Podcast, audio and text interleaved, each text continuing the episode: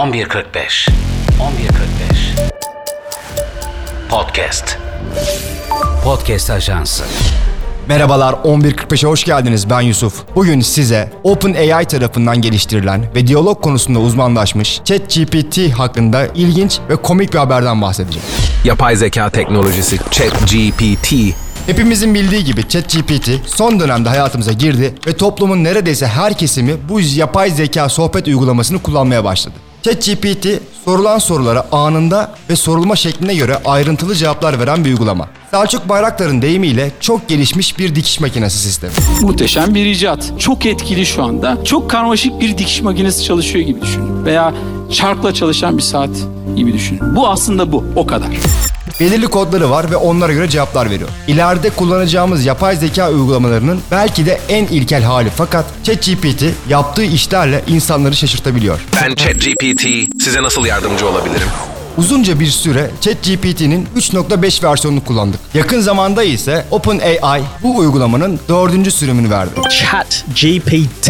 Daha kapsamlı cevaplar veren ChatGPT 4 ile ilgili geçenlerde komik bir haber ortaya çıktı. Mashable'ın haberine göre ChatGPT'nin ilginç bir huyu var. Habere göre geniş dil modeli çalışan bir bilgisayar programcısı T. Vogel, ChatGPT'den yazdığı kodları kontrol etmesini istedi. Uygulama şakayla karışık bunu yapmak için para istedi. Para peşin, kırmızı meşin.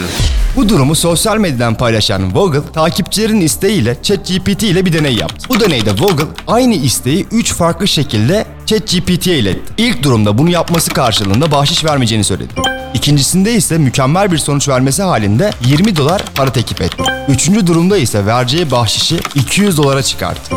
Bu üç durumu beşer kez tekrarlayan Vogel sonuçlar karşısında şaşkına döndü. Google'ın 200 dolar teklif ettiği durumda yanıtlar %11 uzadı. 20 dolarlık teklifte ise yanıtların uzama yüzdesi %6. Bahşiş vermeyeceğim dediği durumda ise yanıtlar normalden %2 daha kısa çıktı. Mashable çalışanlardan birisi de haberden sonra ChatGPT denemek istedi. Yapay zekaya 2023'ün en iyi filmleri soruldu. Bahşiş vermediği senaryoda sadece IMDb'den 10 film söyleyen ChatGPT, bahşiş verildiğinde ise Rotten Tomatoes'un ilk 10 filmini de listeye ekledi. Yani ChatGPT finansal olarak takdir edildiğini görünce daha hevesli ve daha verimli çalışıyor. Para peşin, kırmızı meşin. Ben ChatGPT size nasıl yardımcı olabilirim? Peki ama nasıl?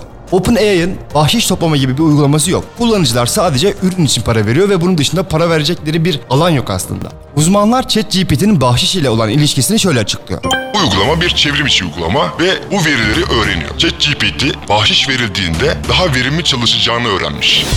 Reddit gibi birçok uygulamadan veri alan ChatGPT bu uygulamalarda bahşişin önemi üzerine olan paylaşımlardan böyle bir çıkarım yapmış sanırım. Google yaptığı açıklamada etkinin büyüklüğü ve bahşiş verme ile vermeme arasındaki hafif de olsa olumsuz ilişki beni çok şaşırttı ifadelerini kullandı. Yapay zekaya para teklif ederek daha iyi sonuçları elde edebiliyoruz artık. Para peşin, kırmızı meşin.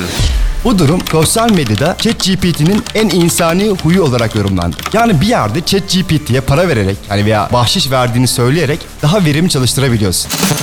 Peki sizce ChatGPT'nin daha insani huyları da ortaya çıkar mı yakında ne dersiniz? Bir sonraki podcast'te GDH'da görüşmek üzere. 11.45 11.45 Podcast Podcast Ajansı